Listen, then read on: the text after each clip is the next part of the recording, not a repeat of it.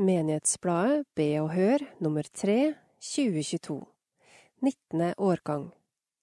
Menighetsblad for Gjøvik, Bråstad, Engehaugen, Hund og Vardal. Om bladet. Menighetsblad for Vardal, Bråstad, Hund, Gjøvik og Engehaugen menigheter. Nettutgave www.kirken.no slash Jovik digitalt arkiv av alle Be og Hør-utgaver fra 2019. Ansvarlig redaktør Jens Dale. Redaksjonen Ole Jakob Nyhus, Eiliv Revlingholm, Roger Brevik, Jens Reidar Antonsen, Hilde Kristin Jarlvang, Tom Torkehagen, Tormod Grønland. Styreleder Dag Landmark. Distribusjonssjef Knut Lund. Layout Jens Dale og Johannes Nag. Trykk Grafisk byrå AS. Distribusjon Frivillige. Opplag 12 500 eksemplarer. Fire utgivelser i året. Giro 2050 02 93 69 2. Deadline 2022. Utdato i parentes 14.11. 5.12. Kontaktinfo. Gjøvik kirkekontor. 800-1530. Hjemmeside www.kirken.no slash Jovik E-postadresse post.jovik at kirken.no E-postadresse til prosten i Toten. prosten.toten at kirken.no Sentralbord 45 87 62 01. Post- og besøksadresse Strandgata 13A 2815 Gjøvik. Kontoret betjener Vardal, Bråstad, Hund, Gjøvik, Engehaugen, Biri og Snertingdal menigheter, Gjøvik kirkelige fellesråd og prosten i Toten. Gjøvik krematorium, kirketjenere 45 87 62 28. Diakonihuset Gjøvik i Engehaugen kirke, Gjennomfare 2. Trosopplæringen, hjemmeside www.kirkenmin.no. Adresse Ynglingen, Svoldersgate 2, 2821 Gjøvik. Gjøvik kirkelige fellesråd. Leder i fellesrådet Dag Landmark 41 47 59 00 Kirkeverget Line Langseth Bakkum LB 772 at kirken.no Telefon 90 79 71 88 Sentralbord Karianne Fangan. Økonomikonsulent og rådgiver Arnhild Kløverud. Saksbehandlere Engehaugen Hege Breang Gjøvik Linn Antonsen Hund Geir Skau Vardal og Bråstad Hilde Bakkeengen Prostens saksbehandler Gro Skinstad. Kirketjenere Henvendelse Kirkekontoret. Menighetsrådenes ledere. Gjøvik Kirsten Aarflot 95 86 46 34 Engehaugen Solfrid Trågseth Høie 98 04 03 01 Hund Torunn Antonsen Berge 98 06 12 49 Vardal Marianne Nordahl Pedersen 90 10 02 57 Bråstad Marianne Mølmen 95 89 15 75 Sogneprest i Vardal og Bråstad Roger Brevik. RB 932 at kirken.no Telefon 90 55 54 71 Sogneprest i Hund Jens Dale. JD 374 at kirken.no Telefon 93 86 31 16 Sogneprest i Gjøvik Ole Jakob Nyhus, on 888 at kirken.no. Telefon 92 81 08 07. Sogneprest i Engehaugen, Jens Reidar Antonsen, ja 243 at kirken.no. Telefon 47 23 77 55. Prost i Toten, Stein Ovesen, SO 632 at kirken.no. Telefon 94 18 92 09. Kirkeverket i Gjøvik, Line Langseth Bakkum, LB 772 at kirken.no. Telefon 90 79 71 88. Organist Gjøvik, Paul Wilmot, pv886 at kirken.no. Telefon 41 49 17 19. Organist i Hund, Bram Jansens, AJ 638 at kirken.no. Telefon 41 31 68 50. Organist i Vardal og Bråstad, Anders Byfuglien, AB 396 at kirken.no. Telefon 41 47 58 81.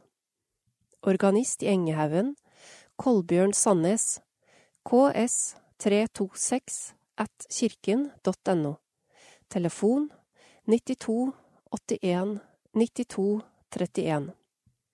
Diakonimedarbeider og organist i Engehaugen, Christian Sporild, CS 928 at kirken.no. Telefon 97 66 28 24. Diakon Hilde Kristin Jarlvang, HJ 793 at kirken.no. Telefon 91 69 63 38. Diakon Kari Karserud Korslien, KK 896 at kirken.no. Telefon 92 29 72 69. Leder for trosopplæringen Karsten Torp, KT 693 at kirken.no. Telefon 95 06 58 12. Trosopplærer Eiliv Revling Holm, EH 779 at kirken.no. Telefon 94 97 37 14. Trosopplærer og kateket Hilde Engevold, HE 839 at kirken.no. Telefon 41 57 14 92. Redaktørens hjørne. Nytter det å skape en bedre verden? Ja, det nytter. FNs bærekraftsmål, som vi skriver om i dette nummeret av Be og Hør, gir håp om en fortsatt utvikling til en bedre verden. Samtidig er det mørke skyer i horisonten. Koronapandemi, krigen i Ukraina og problemene i verdenshandelen er tilbakeslag. Men klimakrisen er den uten sammenligning største trusselen. Den verste tørken i Europa på 500 år er nå, men den er likevel bare en forsmak på hva som kan komme om ikke den globale oppvarmingen reduseres. Jens Dale Andakt Kom deg ut på bærtur. Andakt av sogneprest i Engehaugen, Jens Reidar Antonsen. Du lar kilder velle fram i dalene, så bekker renner mellom fjellene. Han vanner fjellene fra sin høye sal. Jorden mettes med frukten av din gjerning. Salme 104. Du er helt på bærtur. Det sier vi til den som har tatt munnen for full, eller snakker om noe vedkommende ikke har peiling på. Å være på bærtur er egentlig ganske fint.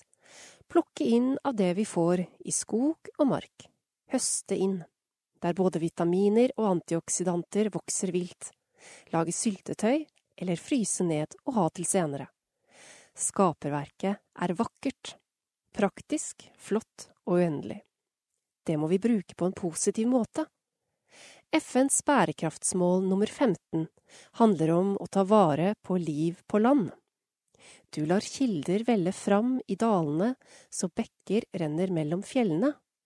Han vanner fjellene fra sin høye sal. Jorden mettes med frukten av din gjerning. Salme 104 skildrer skaperverket, den velsignelsen vi får. Les hele salmen hvis du har anledning. Vi må ta vare på skaperverket, forvalte det, sørge for at mangfoldet av arter, både dyr og planter, ikke er truet. Jorden er avhengig av det for å overleve. Vi mennesker er avhengige av det for å kunne leve. Kom deg ut på bærtur, og takk for den velsignelsen det gir deg. Sommerjobb i Sjømannskirken i Spania. Pensjonert Raufoss-prest Johannes Fjellseth, nå Gjøvik, og kona Bente har i flere år hatt sommerjobb i Sjømannskirken. De forteller. I år ble det åtte uker i stekende varme på Sjømannskirken i Torrevieja i Spania. Torrevieja har en stor norsk koloni med langtidsferierende nordmenn med høy gjennomsnittsalder. Når sommeren nærmer seg, gjør de som trekkfuglene. De drar nordover. Dermed går besøket ned, men så kommer barn og barnebarn for å utnytte de ledige leilighetene, så dermed blir det mange besøk på kjerka likevel. Etter bryllupspause under pandemien var det mange som kom for å gifte seg denne sommeren. Statistikken for vår periode kan oppsummeres slik. Åtte gudstjenester med rundt 50 deltakere hver søndag, elleve brudevielser, halvparten i kirka, resten ute på restauranter eller til og med på taket. To bisettelser måtte også gjennomføres. I tillegg kom en rekke samtaler med ulik seriøsitet og varierende åndelig innhold. Og selvfølgelig kontinuerlig kaffeskjenking og steking og servering av vafler med tilbehør de fleste hverdagene i uka. Leir er høydepunktet ved å konfirmere seg kristent. Leir er høydepunktet ved å konfirmere seg kristent, sier Marte Svastuen, Henriette Kolshaugen, Amalie Eng og Ingeborg Løkken Myhre. De er konfirmanter i Engehaugen kirke. Tekst Eiliv Revling Holm. Vi har det veldig gøy på leir. Det er mye å gjøre, og det er skikkelig morsomt. Vi møter jentene på leirens andre hele dag. De slapper av i solskinnet på Saltnes, rett ved havet noen kilometer fra Tomb. 171 konfirmanter fra alle kirkene i Gjøvik kommune ankom til Tomb jordbruksskole i Østfold onsdag 3. august. Torsdag ble alle konfirmantene oppdelt i fire undervisningsgrupper som rullerte inne på skolens klasserom. Fra regn til sol og sjø. Denne dagen regnet det kraftig, så det ble en god løsning for alle med undervisning inne. Fredag, når vi møter jentene, er det stranddag. Busser har kjørt konfirmanter og ledere til Saltnes for lek, moro, sjø og heldigvis strålende sol. Lørdag er vi tilbake på Tomb, og det er på ny en ny runde med fire undervisningsgrupper som rullerer mellom undervisningsposter. Denne dagen skinner sola, og alle undervisningspostene kan gjennomføres ute, på skolens flotte parkanlegg. På kvelden er det avslutningsshow med dyktige ungdomsledere som leder, og utrolig stemning i salen. Alle kveldene på leiren har det vært ulike show og innslag med ungdomsledere på scenen. De har stått for sang, musikk, programinnhold og ledelse. Søndag er det pakk og rydd, med svært trøtte konfirmanter og ledere. Bussturen hjem var nok relativt stille. Formidabel jobb. Ungdomsledere og konfirmanter hører sammen. Slik også på konfirmantleiren. Omtrent 50 ungdomsledere var med og gjorde en formidabel jobb. De hadde ansvaret for teknikk, lyd, lys, musikk, kveldsshow, undervisning, som gruppeledere, nattevakter, sosialarbeidere og stemningsskapere. Ungdomslederne er med i ledertreningsprogrammet i trosopplæringen i kirkene i Gjøvik, LUPI. Etter endt konfirmanttid kan man bli med som leder i et toårig program. Man skriver kontrakt, og etter endt periode får man en attest som viser at man har vært med som frivillig leder for ulike aldersgrupper, blant annet konfirmantleir. Mange har fått sin første jobb med dette på CV-en.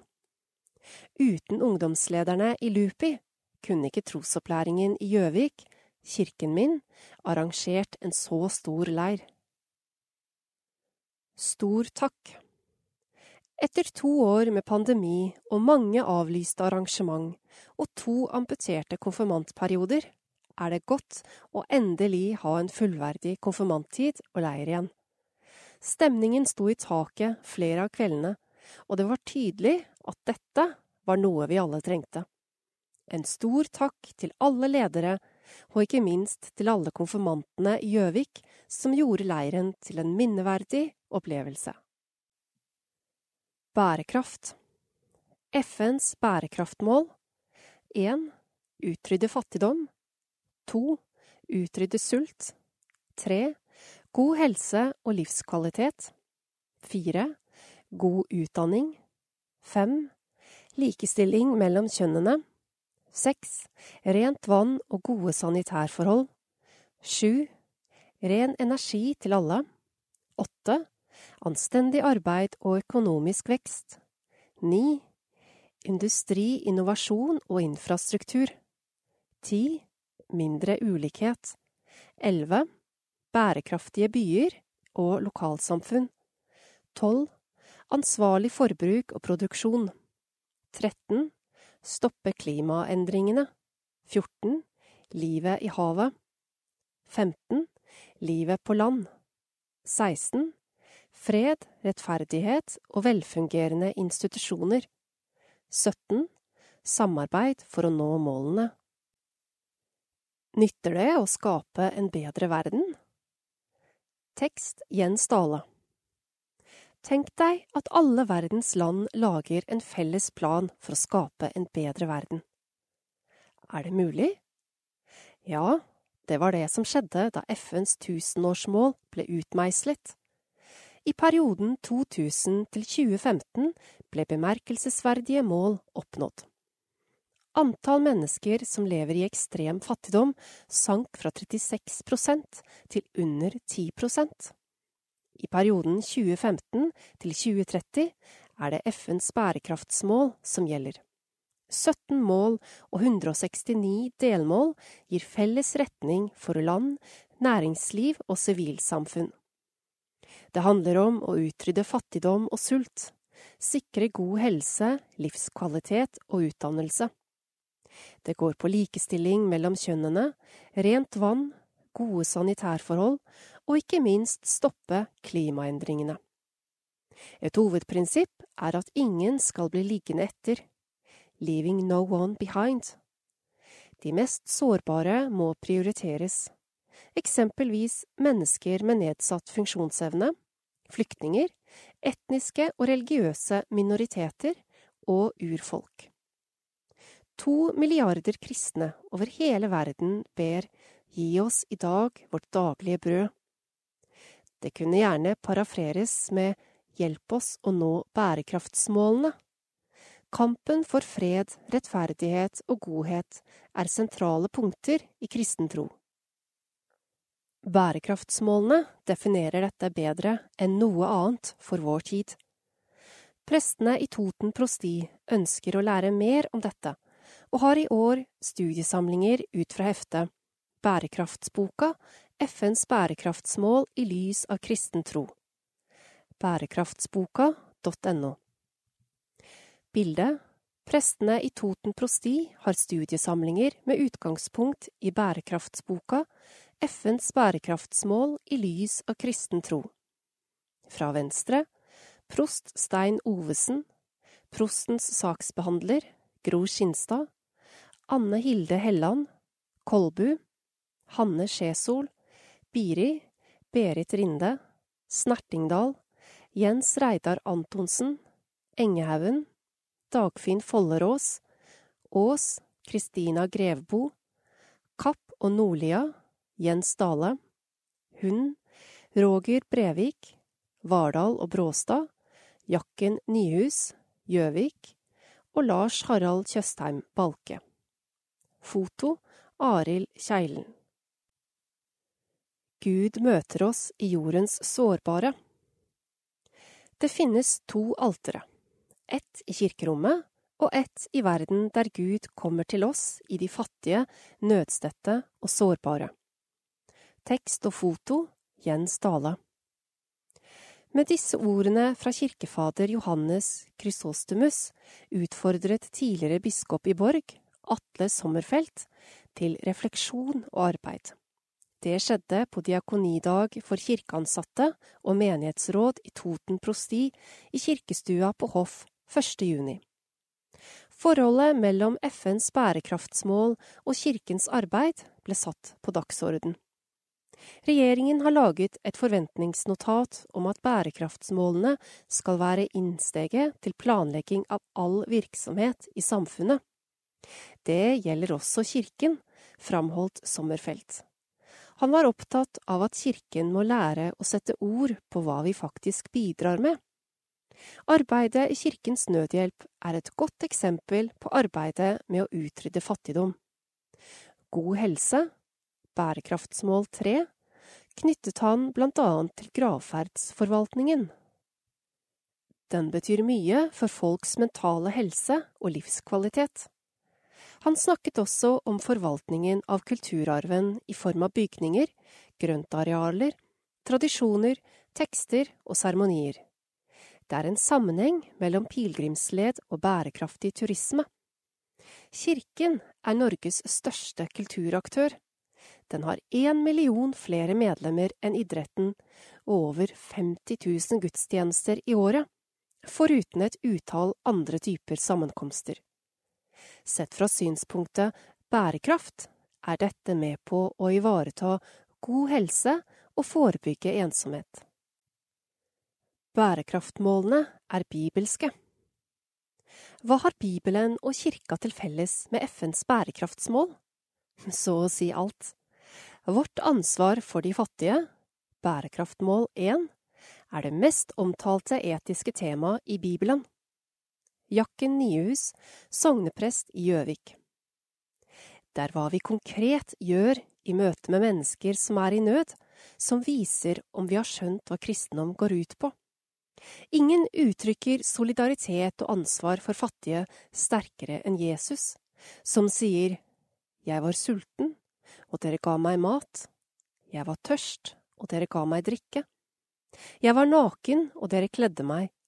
Jeg var fremmed, og dere tok imot meg. Jeg var syk og i fengsel, og dere så til meg. Matteus 25 og hva angår klima, miljø og naturmangfold, bør det være sjølsagt at vi tar godt vare på det Gud skaper og ikke ødelegger det.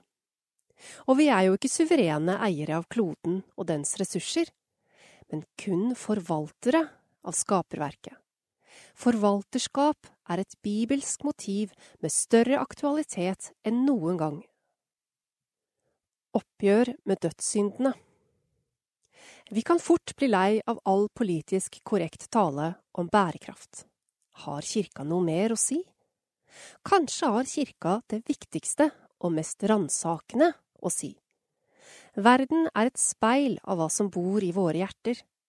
Vi kan ikke nå bærekraftmålene uten å ta et oppgjør med de gamle syndene hovmod, grådighet, fråtseri, misunnelse, gjerrighet og latskap, likegyldighet.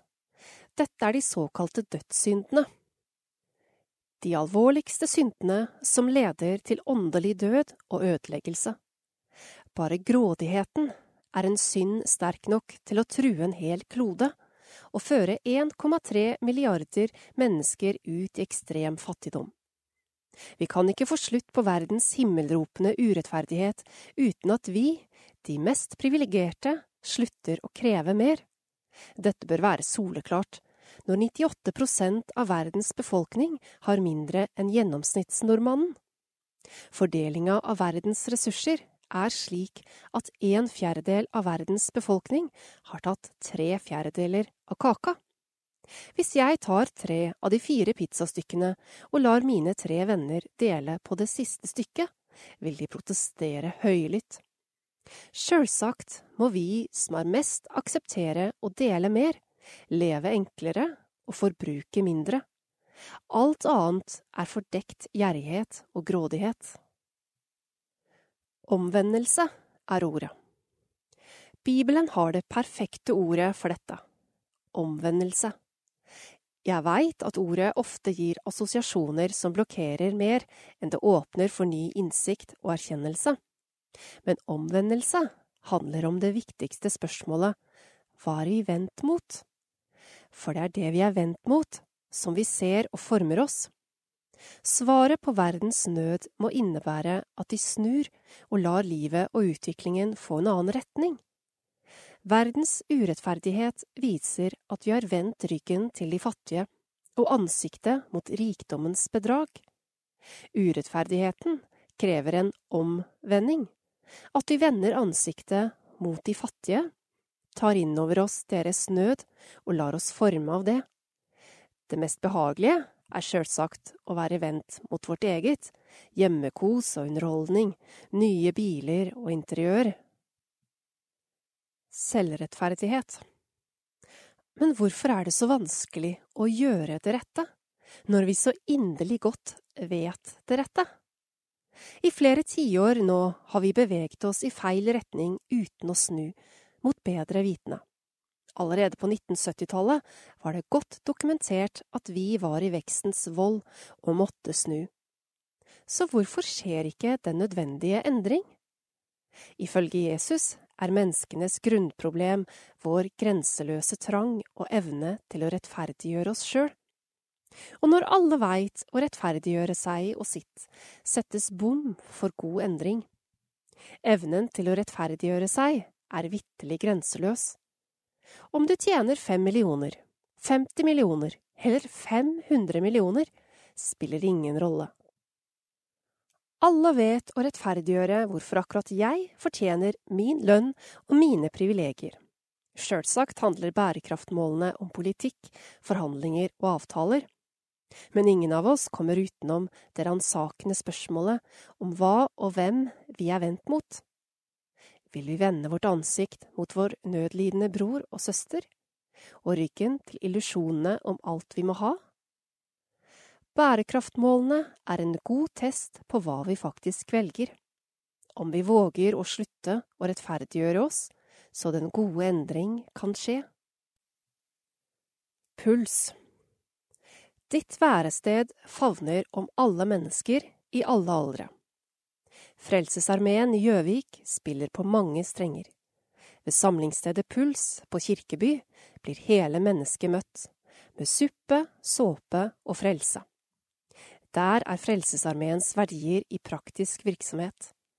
I denne atmosfæren av inkluderende kjærlighet blir vi møtt med en kopp kaffe og nystøkt lompe med geitost. I Fretex-butikken, under samme tak, kan vi handle klær og ting av Dagny Liaklev.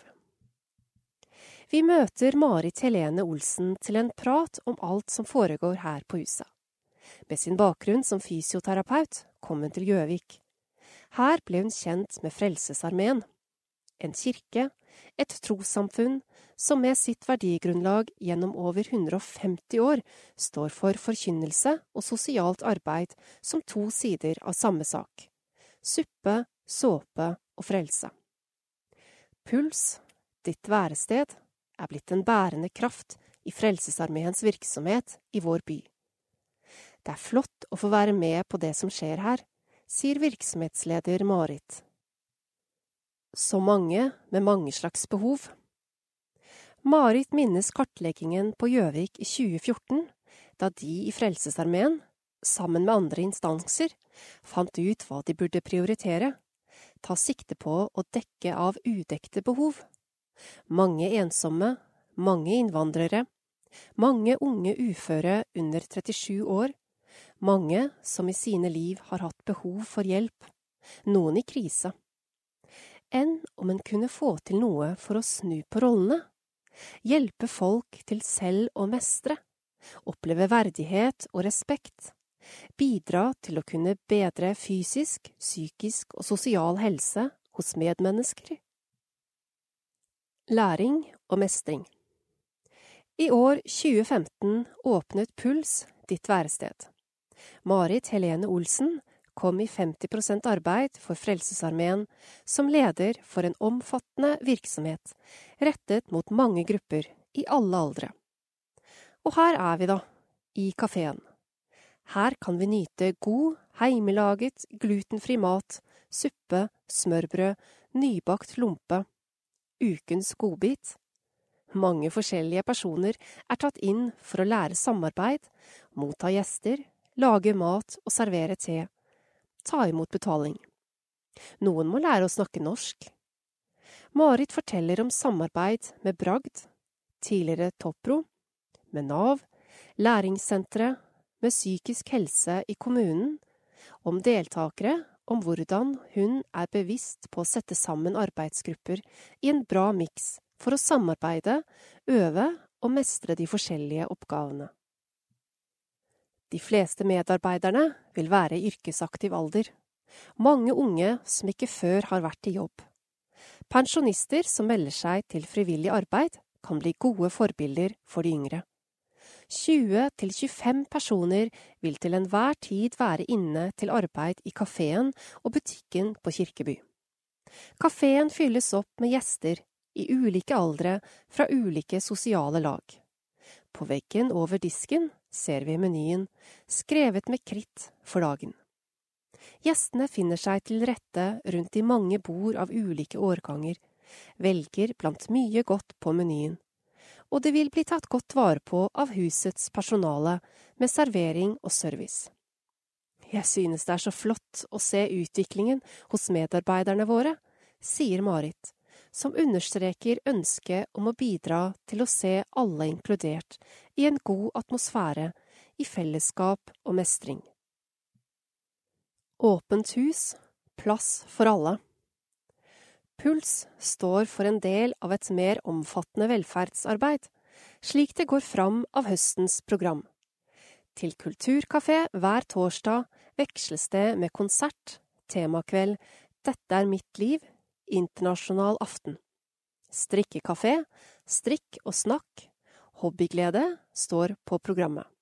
Sykkelkurs for innvandrerkvinner synes viktig. Søndag er det barnekirke og gudstjeneste i lokalene. I front for Frelsesarmeen Gjøvik og Toten står Magne og Soila Berg som aktive ledere. Rebekka Gertsen er tilsatt som ny FABU-løfter. FABU er navnet på Frelsesarmeens arbeid for barn og unge, denne høsten starter de opp nytt aktivitetstilbud for barn og unge i Gjøvik og Toten. Det blir barnekor på Gjøvik og Raufoss og babysang på Raufoss. I åpent kor, voksenkor, er det plass til flere sangere og spillere. Bli gjerne med. Mye kan du lese om i Frelsesarmeens fargerike program for høsten 2022. Har du problemer med å få endene til å møtes? Matutdeling på Puls annenhver mandag. Er du sulten? Du kan få deg en matbit gratis på Puls. Mange av oss som har mer å rutte med, kan betale litt ekstra når vi gjør opp regningen på Puls. Det vi gir ekstra, kan være betaling for dem som har lite. Dette kaller Puls nummer to. Det er også matutdeling på Frelsesarmeen annenhver mandag. Så flott å få være med på det som skjer, sier daglig leder for Puls ditt værested, idet hun iler til verks for neste gjøremål.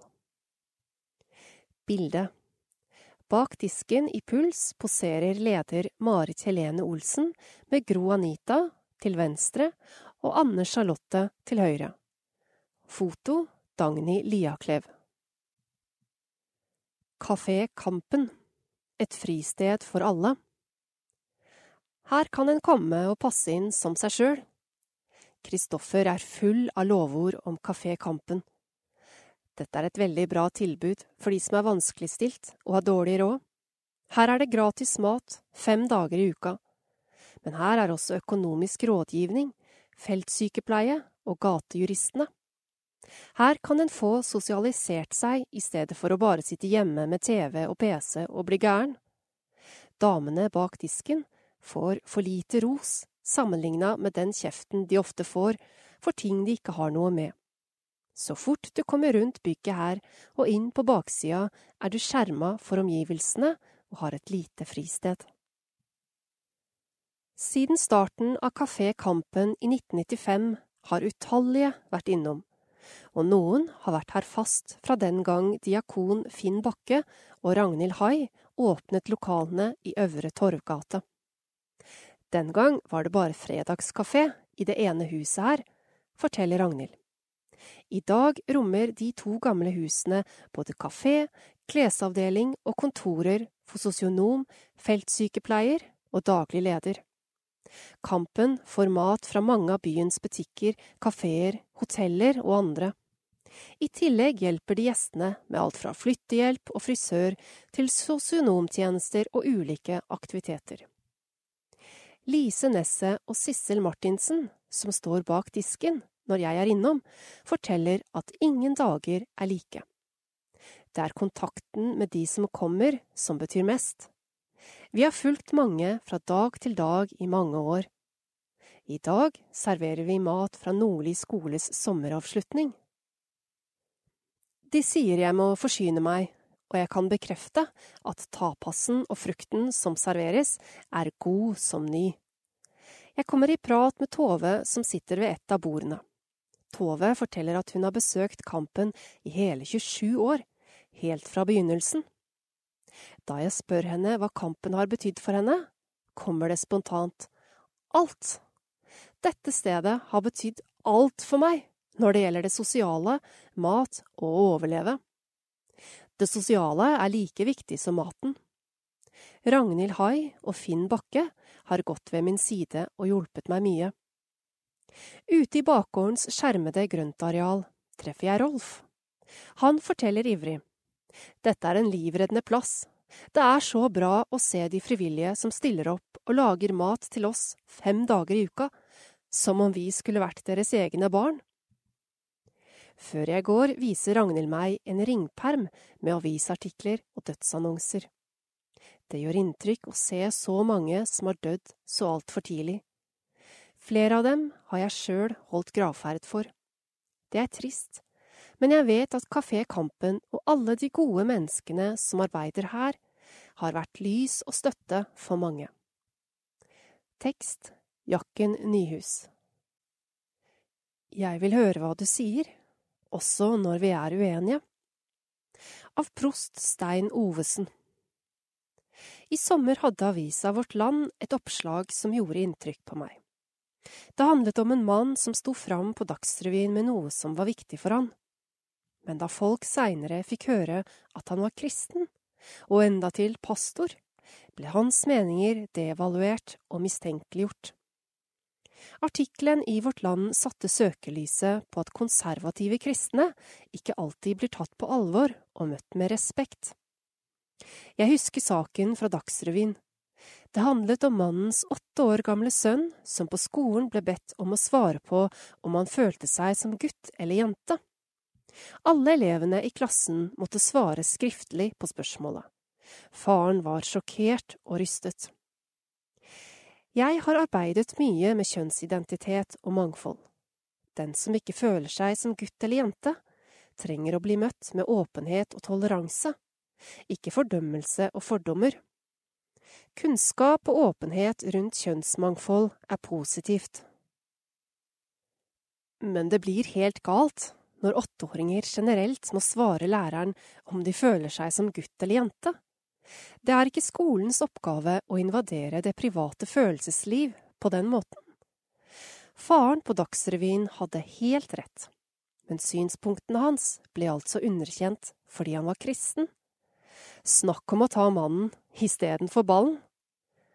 Debattklimaet blir ødelagt av slik usaklighet. Det offentlige ordskiftet er avhengig av at meningsmotstandere lytter respektfullt til hverandre. Personangrep, hån og fordommer gagner ikke ytringsfriheten. Vi trenger ikke Donald Trumps metode der karakterdrap erstatter argumenter. Voltaire sine ord står seg. Jeg er dypt uenig i det du sier, men vil til min død forsvare din rett til å si det. Maritastiftelsen et nytt lyspunkt for mange midt i byen. Tekst og foto Tom Torkehagen. Jeg har en avtale med Maritastiftelsens Gjøvik-avdeling, og møteplassen er de nye lokalene i Storgata 8. En smakfullt innredet bruktbutikk møter meg, fylt med flotte varer, en butikk som drives i regi og samarbeid med Ny Start i Øst og deres konsept Ting og tøy. Serviceinnstilte og blide mennesker, de fleste av dem i sin aller første jobb, ønsker oss velkommen inn. Full aktivitet. Ei trapp ned og en ny, stor, nyoppusset underetasje åpenbarer seg med flotte utstillinger der også, og flere flinke folk. Det er mange her i dag, både medhjelpere og kunder. Vi skimter både daglig leder for Marita på Gjøvik, Bjørn Aksel Ringstad, og lederen av butikken, Kiril Adams. Begge i full aktivitet, men vi finner oss en etter hvert en plass på kontoret og får tatt en prat. Bjørn Aksel Ringstad er 37 år og har kastet bort i hvert fall åtte av dem på rus og kriminalitet.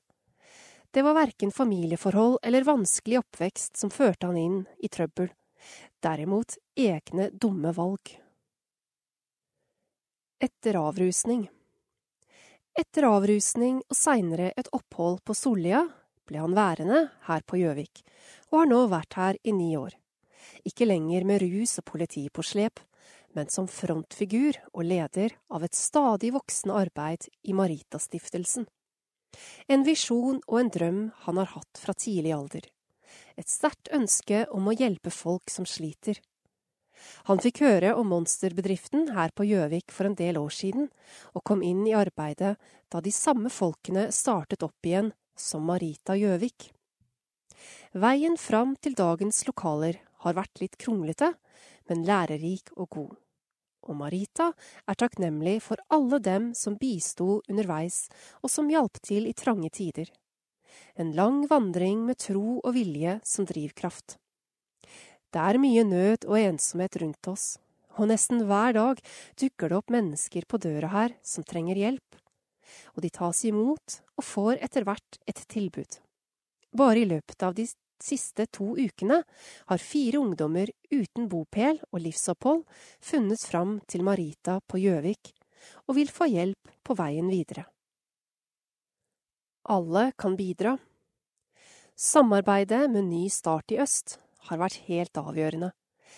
De deler sine kunnskaper og sine ressurser og står sammen for å avhjelpe nød og skaffe folk trygghet og fellesskap. Alle kan bidra med noe, og det får de sjansen til i dette arbeidet. Det inviteres til egne kvelder med trening, grilling, dugnad, hagearbeid, hockeykamper eller noe annet. Og det finnes bibelgrupper og samtalegrupper, og egne grupper for pårørende til rusmisbrukere. Og mer skal det bli. Marita har et samarbeid med kriminalomsorgen, og enkelte får gjennomført sin samfunnsstraff her. Kiril Adams er 35 år og fra Tallinn i Estland og kom til Gjøvik for tre år siden og fikk jobb på planteskolen på Biri. Nå deler han sin tid mellom planteskolen og ny start i øst. Hans historie er så spennende at vi ikke har plass til den nå, men lover å komme tilbake til den i et nytt nummer av Be og Hør. Følg med! Kirkens Bymisjon gir jobb, stolthet og rene gater. De tre siste årene har arbeidere fra Kirkens Bymisjon vært å se i bybildet i Gjøvik. De er lette å kjenne igjen, med sine karakteristiske vogner og vester. Hos Kirkens Bymisjon kan mennesker som opplever rusproblematikk og eller psykisk uhelse i livene sine, få arbeid og et fast punkt i livet. Det er et lavterskeltilbud, og alle som møter opp, får arbeid. frokost og lystenning er første punkt på programmet før de drar ut på jobb. Arbeidet består i å rydde byens gater og torg for søppel, og oppdragsgiverne er de som eier bygårder og andre eiendommer i sentrum. Det er ingen tvil om at Kirkens Bymisjonens arbeid skaper en vinn-vinn-situasjon. Gjøvik by blir en renere og penere by, og arbeiderne får lønnet arbeid, en meningsfull hverdag og opplevelsen av å bidra i samfunnet. I tillegg til gateryddingen har Kirkens Bymisjon et verksted som blant annet lager opptenningsprodukter av resirkulert stearin. Det er også et godt samarbeid med kommunen og offentlige etater, slik at de kan nå frem til de som trenger tilbudet. Bildet Jon Arne Kolstø, prosjektleder for Kirkens Bymisjon på Gjøvik, kan fortelle om fornøyde oppdragsgivere og positive tilbakemeldinger fra folk på gata. Her står han med den karakteristiske vogna til Kirkens Bymisjon. Tekst Roger Brevik. Foto Jens Dale. Strålende sommerkonserter. Hver lørdag i sommer har det vært konsert i Gjøvik kirke. Det har gått mye i orgel, klaver og sang, framført av profesjonelle musikere. Konsertene har vært godt besøkt. På bildet ser vi Bjørn Magne Nyhagen som spilte med Paul Wilmot 2. juli. Nyhagens trompet har ingen ventiler og er en kopi av et tysk 1700-talls instrument. Foto Jens Dale. Diakonihuset informerer. Forebygging av selvmord. Else Kåss Furuseth. Jon Schultz. Leve. Frikk Geilo Ane Inger Bondal Søberg. Fjellhaven 22. september klokka 19.00. Billetter ticketmaster.no. Se Facebook. Sorgstøtte. Samtalegrupper i samarbeid med Gjøvik kommune. Oppstart i Engehaugen kirke, Diakonihuset. 22. september klokka 11.00 og klokka 16.00. Generasjonssang. Vi trenger frivillige som synger sammen med beboere på institusjon og barnehagebarn. Kontakt Hilde Engevold, he839 at kirken.no. Kaffekoppen. Diakonihuset. Onsdag mellom 11 og 13. Oppstart 24. august. Samtaler etter avtale. Ta kontakt. Hobbygruppa andre og fjerde mandag hver måned i Diakonihuset, Kjelleren klokka 18 til 20.00. Oppstart 22. august. Besøkstjeneste. Ønsker du besøk eller har lyst til å være besøksvenn? Jevnlige kurs for besøksvennene. Kontakt Christian cs 928 at kirken.no. Telefon 97 66 28 24. Unge voksne-gruppe. Er du interessert, kontakt Christian Sporild. Supertorsdag. Byscena i Gjøvik, fjerde til sjuende klasse. Åpent hus, aktiviteter, varmt måltid klokka 13.30 til 17.00. Påmelding he839 at kirken.no. Formiddagstreff klokka 11.00. Bråstad kirke, 5.9 tredje i tiende, sjuende i ellevte, femte i tolvte. Hun kirke, tjuende i niende, attende i tiende, femtende i ellevte, trettende i tolvte. Engehaugen kirke, 23. i niende. Besøk fra Fontenehuset, Kirsti Austhagen. 21. i tiende. Besøk av Ellev Revling Holm. 18. i ellevte. Besøk av Gjøvik Hagelag, Inger Sikstad, Hagevekster og urter. 16.12. Besøk av Tom Torkehagen. Julegrantenning. Torsdag 1. desember klokka 11.00 utenfor Diakonihuset. Gudstjenester. Gjøvik. Søndag 18.9.2022. 15. søndag i treenighetstiden. Gudstjeneste klokka 11.00 ved Solveig Haugen Tusvik. Søndag 25.9.2022. 16. søndag i treenighetstiden. Gudstjeneste klokka 11.00 ved Ole Jakob Nyhus. Klokka 19.00 salmekveld. Søndag 2.10.2022. 17. søndag i treenighetstiden. Gudstjeneste klokka 11.00 ved Ole Jakob Nyhus. Søndag 9.10.2022. 18. søndag i treenighetstiden. Gudstjeneste klokka 11.00 ved Stein Ovesen. Søndag 16.10.2022. 19. søndag i treenighetstiden. Gudstjeneste klokka 11.00 ved Ole Jakob Nyhus. Gullkonfirmanter. Søndag 23.10.2022. 20. søndag i treenighetstiden. Gudstjeneste klokka 11.00 ved Ole Jakob Nyhus med flere. Regnbuegudstjeneste. Søndag 30.10.2022. Bots- og bønnedag. Gudstjeneste klokka 11.00 ved Ole Jakob Nyhus. Søndag 6.11.2022. Allehelgensdag.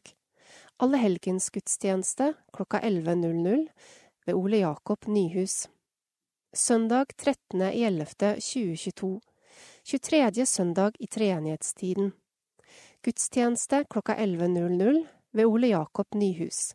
Fireårsbok. Søndag 20.11.2022.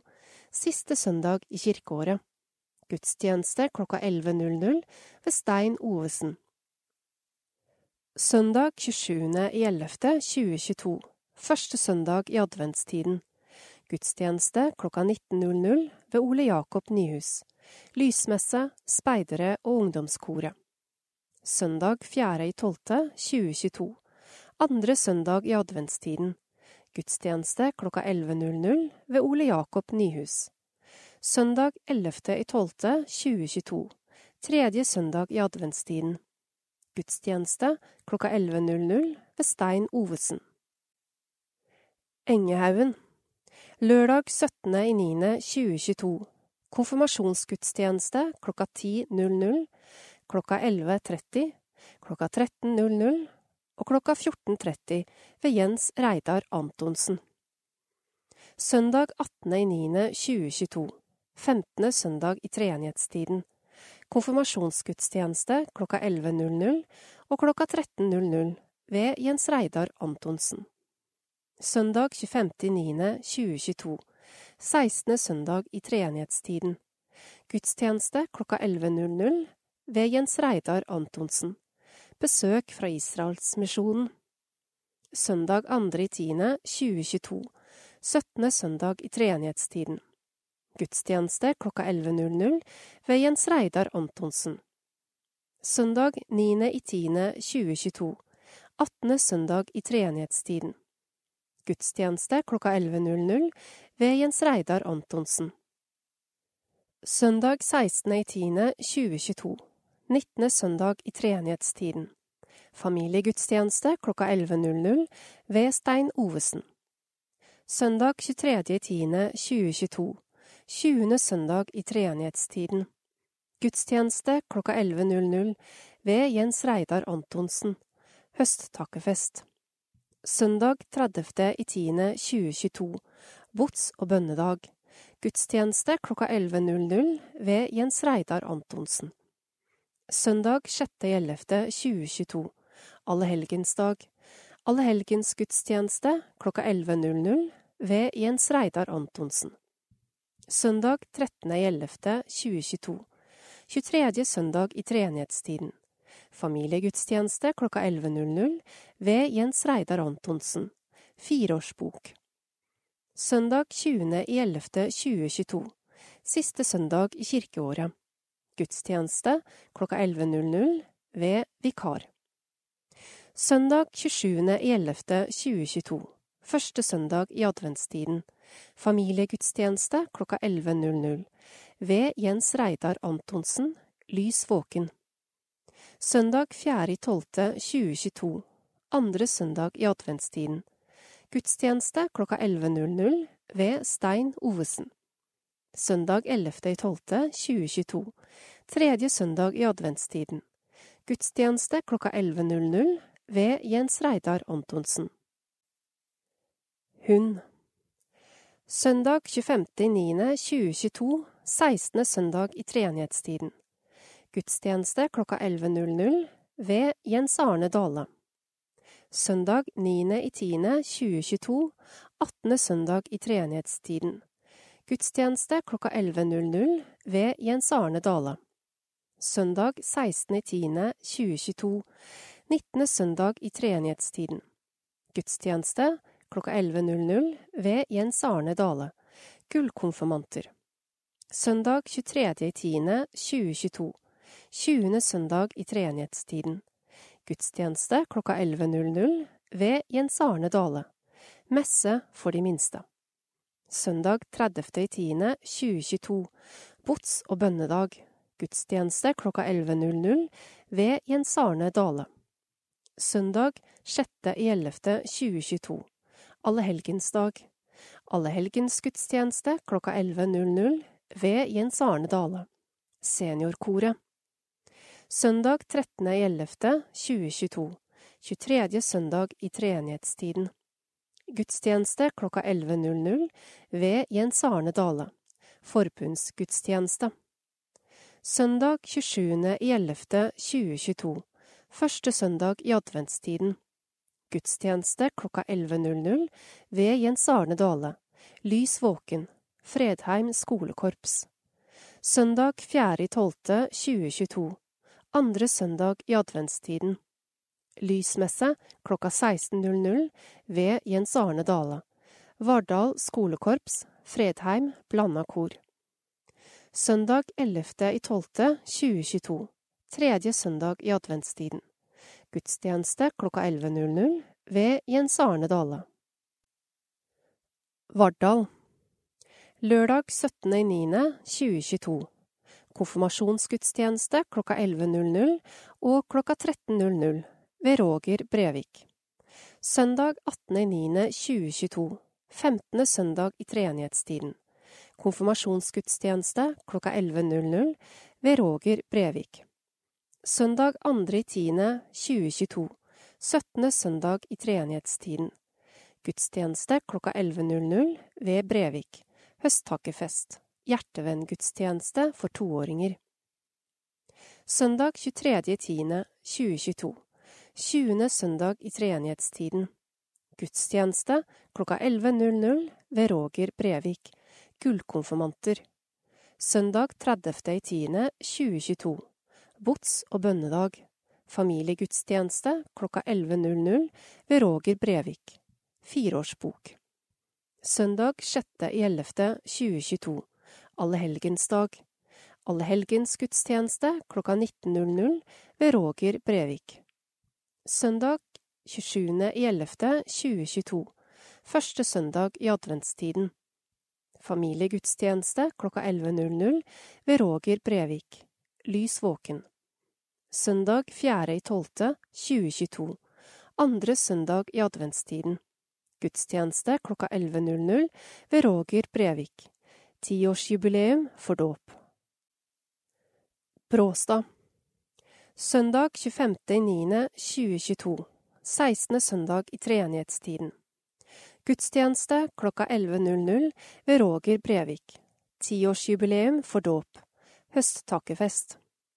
Søndag 16.10.2022. 19. søndag i treenighetstiden.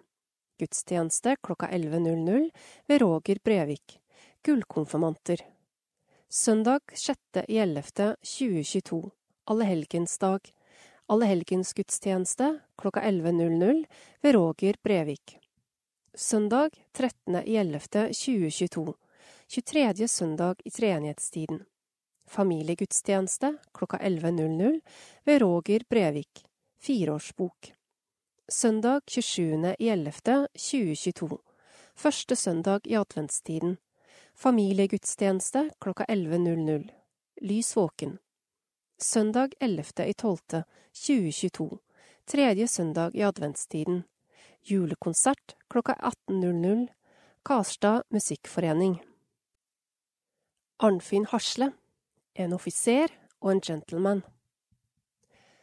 Tekst og foto Tom Torkehagen. Kirkens musikalske nødhjelp, supervikar og Jaman. Det var nok litt ekstra jubel i boligdelen av grendeskolen Granvang i Nordtorpa den 11. mai i 1950, da guttungen Arnfinn kom til verden, som barn nummer fem etter fire jenter. Stor aldersforskjell i søskenflokken gjorde at Arnfinn ikke automatisk fikk fire ekstra mødre, men vokste opp med yngste søster Toril, litt eldre søster Grete, mor Ida og far Birger som var lærer på samme Granvang skole. De flyttet til Vibergskolen i Vardal i 1954, hvor også halvdelen av skolen var bolig, og faren var lærer og Arnfinn ble elev. Skolen ble brått nedlagt i 1962, og dermed forsvant også boligen, og neste opphold ble Nygårdsbakken i Hunndalen. Etter første natt i ny bolig i 1963 dro de sammen til skolen med tog til Gjøvik og buss opp. Arnfinn sluttet skoledagen litt tidligere. Da faren kom hjem litt seinere på ettermiddagen, rakk han bare så vidt å komme inn i gangen før han segnet om og døde av hjerteinfarkt. En sjokkartet opplevelse som de aller fleste ikke kan forestille seg. Mor Ida sto fram i kaoset som fulgte, i en kombinasjon av mild og from, gudfryktig, bestemt, handlekraftig, arbeidsom, raus og omsorgsfull, ledet hun familien videre. Samtidig ble 13-årige Arnfinn med ett mannen i huset. En sterk, ung gutt med godt håndlag og stor arbeidskraft. Karakterboka hans vitner om litt turbulente tider, med tidvis litt utagerende atferd med flere slåsskamper og en utvisning på CV-en. S i sløyd og noen i oppførsel sier sitt. Døtrene deres, fru Hasle, vil de kunne få megen glede av, men sønnen deres vil kunne volde dem mye besvær, sa en av morens venninner. Det siste ble det ikke noe av. Ny flytting på kort varsel, denne gang til Engelandsveien 7 på Gjøvik. Men Arnfinn fortsatte på Lundstein og syklet til skolen hver dag. Prøv det, den som vil. Husplaner ble lagt, og i 1965 flyttet de inn i nybygd hus i Storengveien på Nedbyjordet. Et hus som Arnfinn selv bor i i dag, og som han helt siden 1965 har definert som hjemme, selv om det gikk over 30 år før han flyttet inn igjen der. Mor Ida bodde der i alle år aleine, helt til hun måtte flytte til Nordbyen omsorgssenter i 2003. Jeg må få si at det var takket være vår omsorgsfulle og gode søster Toril, og også hennes mann Kolbjørn Teien, at det var mulig for mor å kunne bo så lenge hjemme. Hun døde i 2005. Litt mer historie. Det ble framhaldsskole i Hunndalen, før det ble realskole og gymnas på Gjøvik. Naturfaglinja ble valgt, men uvisst av hvilken grunn. Ingen av fagene der var han spesielt interessert i, i hvert fall ikke i fugler og planter, og ikke dissekering av mark og mus, ei heller forsøk på å finne ut av det periodiske systemet eller framstilling av svovelsyre. Men russ ble han i 1970, og deretter forsvant han fra Gjøvik og til det militære, til militærpolitiet i Vatneleiren til befalsskolen samme sted, og deretter inn på Politiskolen i Oslo 1972. Mangslungen karriere i politiet. Motorsyklist og trafikketterforsker, statist i flere Olsenbanden-filmer, skapsprengergruppe, etterretningstjeneste, UP, trafikkplanlegger for OL 94, rådgiver hos justisministeren, avdelingssjef, prosjektleder for politireformen, del 1. Arnfinn er en rolig politimann med et stort hjerte og forståelse for at det kan finnes grunner for hvorfor det kan gå som det går for mange. Returnerte til Gjøvik i 1978, og her ble han. Gikk av som politipensjonist i 2010 og har ikke sett seg tilbake. En egenskap som har preget det meste av livet.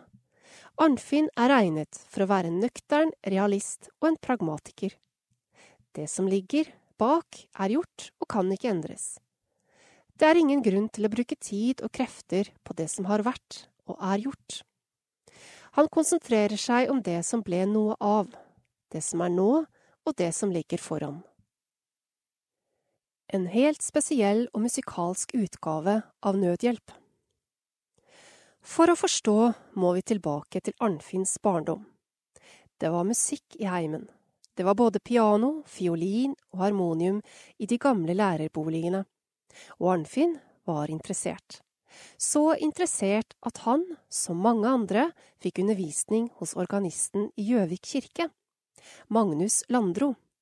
Så ivrig var han at det ikke tok lang tid før han fikk teste sine evner på selveste kirkeorgelet og ganske raskt ble han ansatt som organist i Vardal kirke fra fylte 15 år.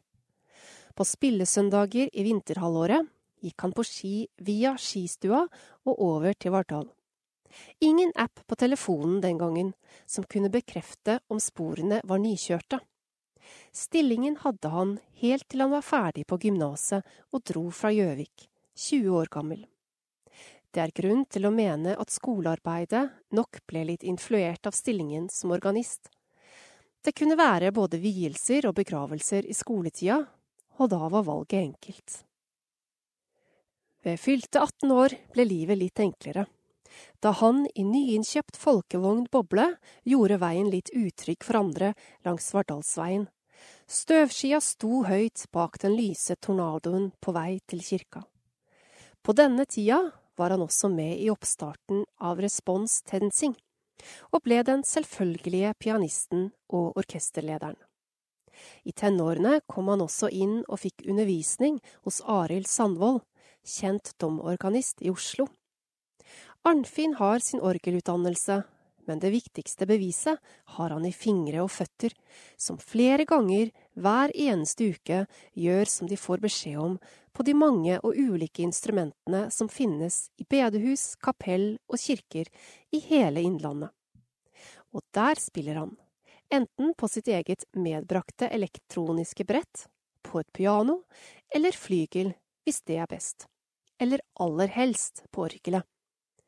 Og han spiller det meste Kjente salmer og sanger, viser og populærmusikk, store korverk, musikk fra de store komponistene, og han akkompagnerer både profesjonelle og amatører, kor, solister og instrumentalister. Holder også egne konserter, enten alene eller med Hasle Trio, ei gruppe som ble etablert i 1993, og som har hatt ulike besetninger gjennom årene.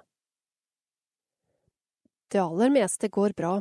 Han overlater nemlig ingenting til tilfeldighetene, er alltid godt forberedt og alltid ute i god tid. Hater hastverk og unødvendig travelhet, er åpen for mange typer musikk og sanger til de fleste anledninger, men har også sine grenser. Hvis forslagene til musikk blir for outrerte, sier han ikke bare nei, men prøver å bistå med å finne gode alternativer. Arnfinn har hatt lang fartstid i KFUK KFUM, med særlig tilknytning til ynglingen på Gjøvik. Er glad i kirken og går langt i å forsvare både de historiske tradisjonene og de kirkelige handlingene. Har stor respekt for og kjenner seg hjemme i kirkerommene. Er åpen for endringer, men er tydelig på at ikke alt nytt er godt nytt. Så sant jeg kan, sier jeg ja. Arnfinn er et ja-menneske. Det ringer ustanselig i mobiltelefonen, som han litt motvillig har tatt i bruk som arbeidsverktøy. Og forespørslene renner på. En vielse her klokka 13.00 og en ny noen mil unna klokka 16.00. En gudstjeneste på Lillehammer klokka 11.00 og ei kveldsmesse i Torpa klokka 18.00. Det går bra, han stortrives i bil, og han svarer raskt og noterer ned. Ingen skal behøve å vente på svar fra Hasle. Han veit hvordan det er å sitte i den andre enden og prøve å få kabaler til å gå opp, og med en kjapp replikk og et smil setter han seg, som vanlig ulastelig antrukket, inn i bilen og er klar for nok en jobb. Kirkens SOS trenger medarbeidere. Kirkens SOS i Innlandet trenger flere frivillige medarbeidere til telefon- og chattetjenesten. Det er mange ensomme og mange som av ulike grunner har det vanskelig og sliter med livet. Pågangen på telefon og chat er stor. Nå klarer Kirkens SOS bare å svare på litt over halvparten av de som tar kontakt. De trenger flere frivillige medmennesker som har tid til å lytte til de som trenger noen å snakke med. Er dette noe for deg? Du får god opplæring. Digitale innføringskurs starter hele året. Vil du bli medarbeider hos Kirkens SOS, gå inn på kirkens-sos.no slash frivillig. Ring 47 47 69 89, eller send mail til innlandet at kirkens-sos.no. Stiv Dobrogårds jazzmesse i Gjøvik kirke søndag 13. november. Messen er skrevet ut for kor, strykere og klaver. Konserten er et samarbeid mellom Fredheim Blandede Kor, Koret Oslo Ø og Bærum Kammerkor. Kvelden før har de tre samarbeidende kor framført messen i Grønland kirke i Oslo. Det vil være et mektig kor som inntar podiet i Gjøvik kirke. Til sammen blir vi ca. 80 sangere. Dirigenter for korene er Peder Arnt Kløverud for Fredheim-koret, mens Ingeborg Odland dirigerer de to andre korene. På klaver spiller Ole Jøstøl. Koret Oslo Ø er ett av tre kor som deltar på framføringen av Dobrogårds jazzmesse 13. november. Nytt kjøkken på Ynglingen Det har blitt gjort en stor innsats av både fagfolk og frivillige for å oppdatere kjøkkenet og kjelleren på Ynglingen. Leif Olav Jämtland er en av dem som har gjort en stor innsats. En annen av de frivillige, Geir Mykkelstad, sier dette gir langt flere muligheter for mange ulike brukergrupper. Kan Gud bruke lidelse til noe godt?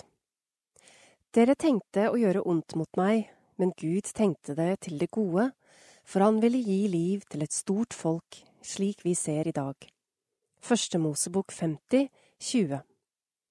Her ser vi kanskje forklaringen. En bit av Guds langsiktige plan. Slik talte Gud til hjertene til folket, står det. Slik er det. Selv om det er vanskelig å se om lidelse fører til noe godt, og det er mye lidelse å lese om i Bibelen, ser vi allikevel tekstene som en meningsfull historie i våre liv. I mange tilfeller tjener lidelsens historie et formål. Et godt formål? Veien hjem til Gud viser seg ofte, også for meg, å bevege seg i mange retninger, også gjennom lidelsen. Alle ser ut til å måtte gå sin vei til Golgata, via Della Corso, veien til korset, Golgata. Paulus er takknemlig for sin torn i legemet, fordi han har fått en lidelse så han ikke skal bli hovmodig. Andre Korinterbrev 12,7 Paulus formulerte mye av sin teologi i fengsel. Lidelsen holder meg nær Gud, fordi det er der Gud bor, hos de med de nedbrutte hjerter. Jesaja 57, 15 Lidelse hjelper oss å beholde troen og nå helt fram til seierskransen. Kirken har korset som symbol. Mange har krusifikset i gull rundt halsen. Vi ser korset på gravsteiner og på våre kirker. Korset som er en brutal menneskefiendtlig henrettelsesmetode for romerne. Selv Jesus måtte dø i lidelse for å vise Guds nåde, for at de som tror skulle bli frelst. Jesu korsfestelse og Peters benektelse og svik viser oss det guddommelige paradokset. Bill Wilson, en av grunnleggerne for anonyme alkoholikere, skriver Fornedrelsen kommer før oppreisningen. Det ser ut til at en alkoholiker må møte bunnen før vedkommende kan begynne klatringen oppover. Mulig det også er slik for ateister som kommer til tro igjen, slik vi ser det i lignelsen om den fortapte sønn. Selv opplevde jeg det slik at jeg, etter å ha vært ateist i over 30 år, kom til tro igjen. Jeg erfarte at styrke reiser seg av svakhet, at lidelse og smerte ikke bare er prisen, men er selve grunnlaget for åndelig gjenfødelse. Tekst Bjørn Erik Fjæringen Kulturkvelder i Engehaugen kirke 29. september Fokus på utenforskap Mange føler at de ikke strekker til, og tenker at andre er bedre enn dem selv. Disse deltar. Allsangkoret, ledet av Ingvild Nagel Dahl. Forebyggende enhet, representert med en fra politiet. Ungdommens hus, Ung i Gjøvik. Maritastiftelsen med leder Bjørn Aksel Ringstad og stortingsrepresentant Marit Knutsdatter Strand. Denne kvelden er spesielt rettet mot unge, men alle er hjertelig velkommen. Arrangementet blir gratis for ungdommer. Voksne betaler kroner 100. 27. oktober Filosofi og måten vi tenker om våre hverdagslige problemer på. Førstelektor i filosofi ved Høgskolen i Innlandet, Håkon Glommen Eriksen. Håkon har skrevet artikler om blant annet et bevisst forhold til egne verdier, hvem er menneske og hva er veiledning?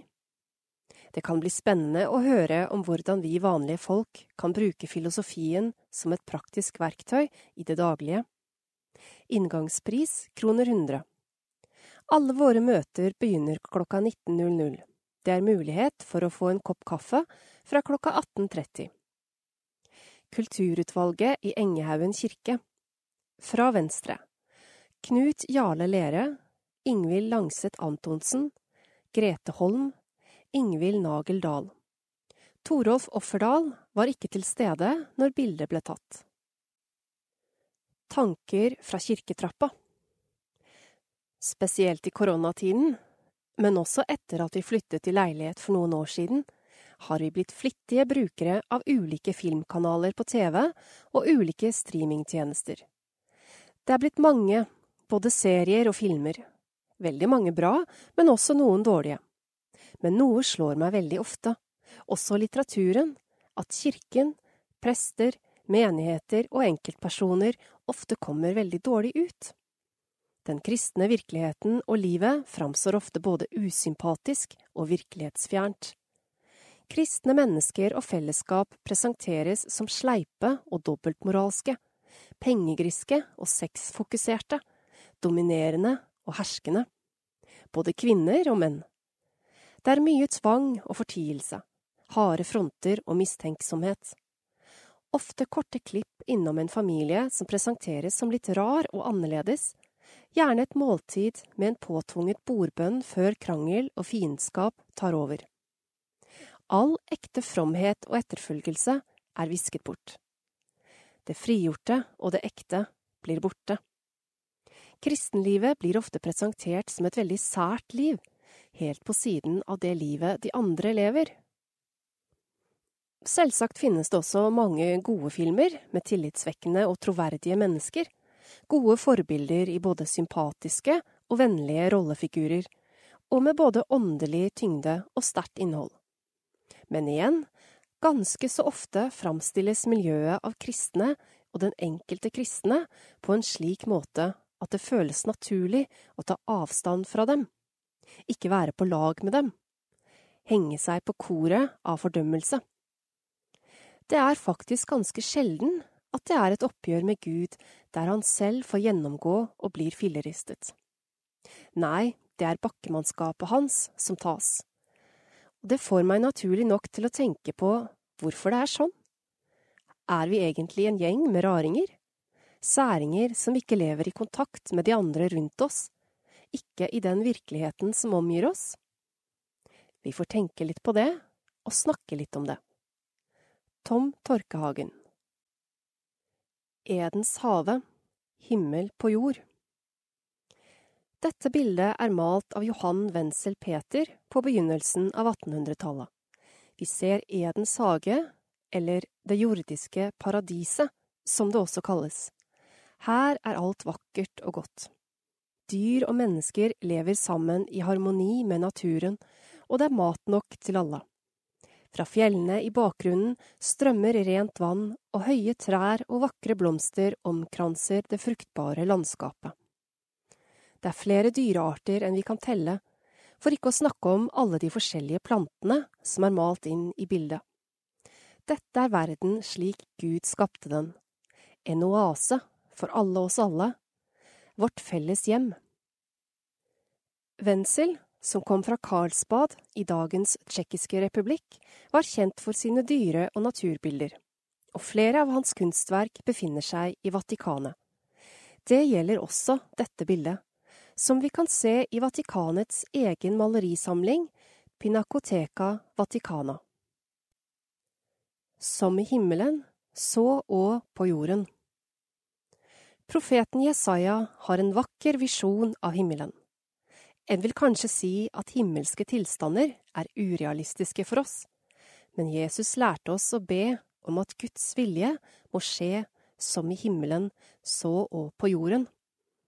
Vi kan be om og arbeide for at dette skal skje i vår verden. Der skal det ikke lenger finnes spedbarn som bare blir noen dager gamle, eller gamle som ikke når sine dagers fulle mål. De skal bygge hus og selv bo i dem, plante vinmarker og selv spise frukten. De skal ikke bygge så andre får bo, og ikke plante så andre får spise.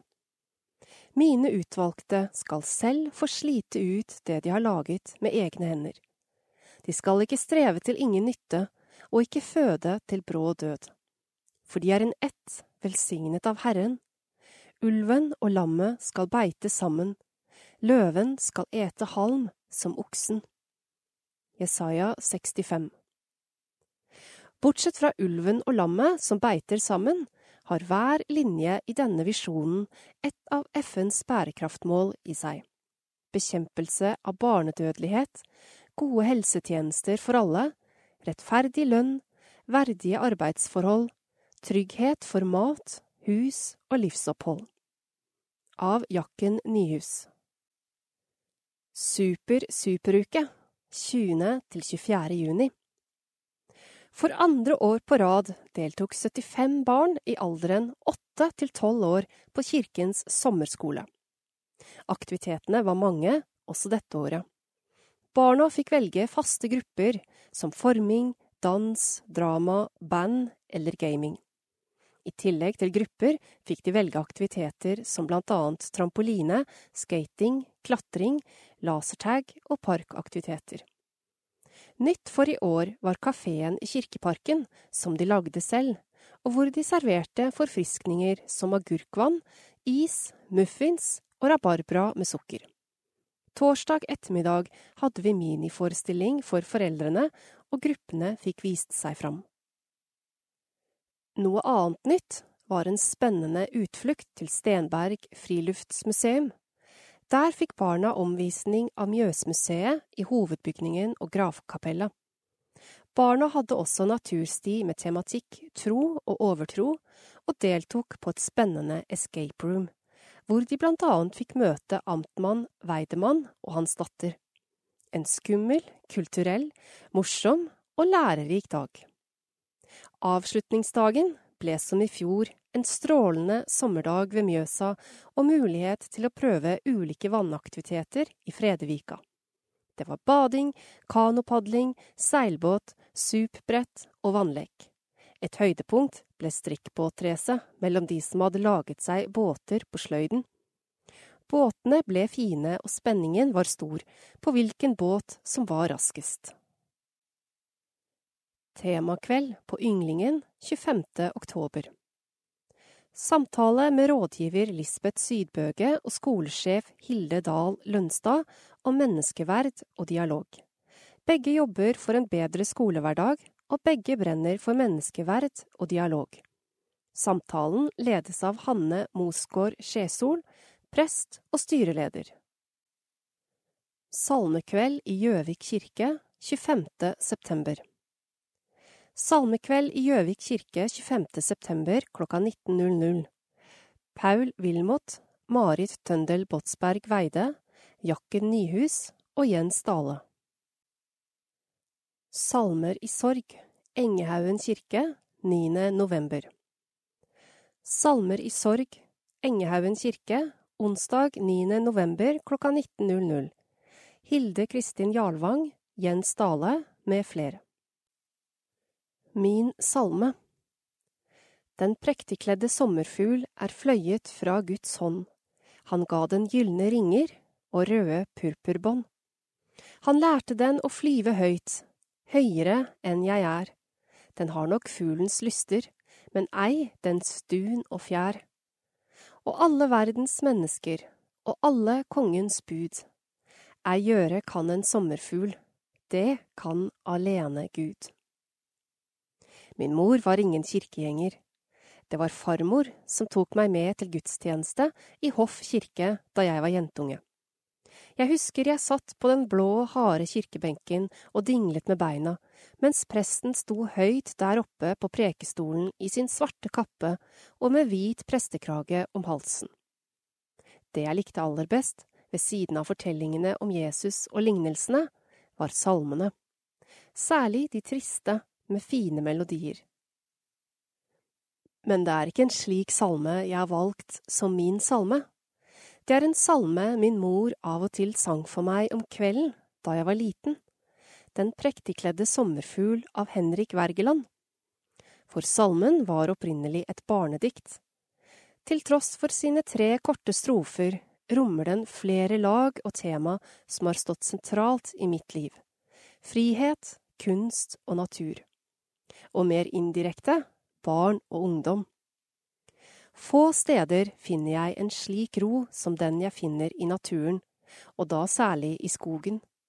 Raslingen fra et ospetre, gauksyra som farger skogbunnen irrgrønn, geitramsen, duvene langs skogstien, ekornet fort, fort opp etter en granlegg, sommerfuglen svevende over stråene. Dette guddommelige skaperverket, ingen mennesker eller kongebud kan gjøre ham etter. Det bringer meg over på det jeg opplever som vår tids viktigste sak, klimasaken. I salmen står det Den prektigkledde sommerfugl er fløyet fra Guds hånd. Nå er det altså vårt ansvar å ivareta dette skaperverket, sommerfuglen, jordkloden med dets mangfold og myldrende liv, slik at våre barn og barnebarn og alle deres etterkommere også skal få oppleve sommerfuglen med de gylne ringer og de røde purpurbånd. Takk for utfordringen, Randulf Søberg. Den går videre til Hilde Torkehagen, Skomsrud. Hilsen Nina Homb Vesterås. Slekters gang Vardal Vigde Anders Smedsrud og Damaris Li Lanjopolos, Nora Solhaug og Frank Bjerre Sørensen, Lars Ugland og Anne Marte Finnsveen Sandberg, Simen Kristoffer Haugom og Camilla Toen Wahl, Marina Englund Skugedal og Knut Erik Bjørklund, Gunnar Oppsal og Eli Andrea Revling Holm. Døpte Julie Elise Svan Skaugerud, Mia Heiberg Dorati, Peter Lilleengen Gillerhaugen, Einar Valheim, Lavrans Strandvik. Døde Åse Sønsteby, Gerd Dalby, Svein Olav Christensen. Gjøvik Vigde Ida Tomtum og Håkon Steimler, Malin Christiansen og Even Rebny, Halvard Gårdløs og Therese Madsson, Linn Eirin Lillebø og Kim André Sveum, Rikke Marie Fjelseng og Håkon Berg, Marte Orhaug Sandli og Marius Ødegård, Silje Andersen og Lars Rognstad Otterlei, Marianne Fremstad og Kjetil Solhaug, Petter Setra Rustad og Silje Nyås Øyen. Døpte. William Bonko Nilsen. Louis Torget Slettum. Tobias Lekang Jensen. Amadeus Wang Engelien. Lisa Kansanit Torgersen, Oliver Dybdahl Dolmen, Miljan Mikkelsen Nilsen, Aurora Øvrejordet, Henrik Brevik, Cornelia Leandra Arnekleiv Bugge, Thea Alfstad Engen, Ludvig Christiansen, Elius Tobias Buchmann Smette Randa, Noah Bjåland Gunderstuen, Iben Strand Dyste, Liam Alexander Dragonmoen Gilengen, Georgia Lucia Peacock, Live Kjelsberg Sollien. Døde Liv Nordrum, Rolf-Viggo Strandvik, Marit Irene Sollihagen, Astrid Lybekk, Torstein Robøle, Kirsten Gunvor Hallerud, Øystein Øvrebø, Astrid Marie Galgerud, Rolf Sverre Sjånvold, Jarle Georg Grønning, Jon Hagen, Astrid Skoglund, Liv Benny Skumlien, Sten Annar Johansson, Per Arne Pettersen, Helge Bekken, Arild Flesvig, Judith Arlund, Arne Normann Haug, Astrid Bjerke, Ruth Elisabeth Torgersen, Egil Sunde, Svein Idar Iversen. Engehaugen Vigde Lise Marie Brobakken og Ole Christian Vatne, Nina Kristine Fossen og Jan Eikeseth. Døpte Helena Marit Enovntai. Døde Alf Henry Hansen, Karin Synnøve Storsveen, Tove Kristine Aske, Solveig Fossli, Steinar Løntjern, Ove Petersen, Marit Torunn Johansen. Hun Døpte Ani Bråten Selmer Hansen, Otilie Marie Stenvold, Viktor Bergum, Aurora Bergheim, Johan Bergdølmo Lien, døpt i Sør-Fron kirke. Døde Ingrid Eftedal, Henry Stenseng, Nils Fredrik Pedersen, Erland Ramstad, Gunvor Stensby, Kirsten Oliv Haugen, Odd Stråle Meyer, Sonja Elisabeth Olsen, Harry Lilleby, Kristine Byfuglien, Evy Kavli Tomte, Henry Henriksen, Arne Sandvold, Bente Smedsrud, Synnøve Blomberg, May-Britt Vesterås, Marie Liudalen, Liv Smestad, Kjell Oddvar Haugum, Odd Emilsen, Ola Sand. Bråstad. Vigde. Thomas Elfinstone og Britt Line Dunserud Hedda Marie Rotstigen Jørgensen og Fredrik Enersen. Anders Nyhus og Kristin Flatsrud Hegge Døpte Helene Olsen Tangen Jenny Hasli Nyhøgen Utannonsering Slutt på lydboken. Innleser Merete Bø. Skulle det være feil på lydboken, ta kontakt med KAB.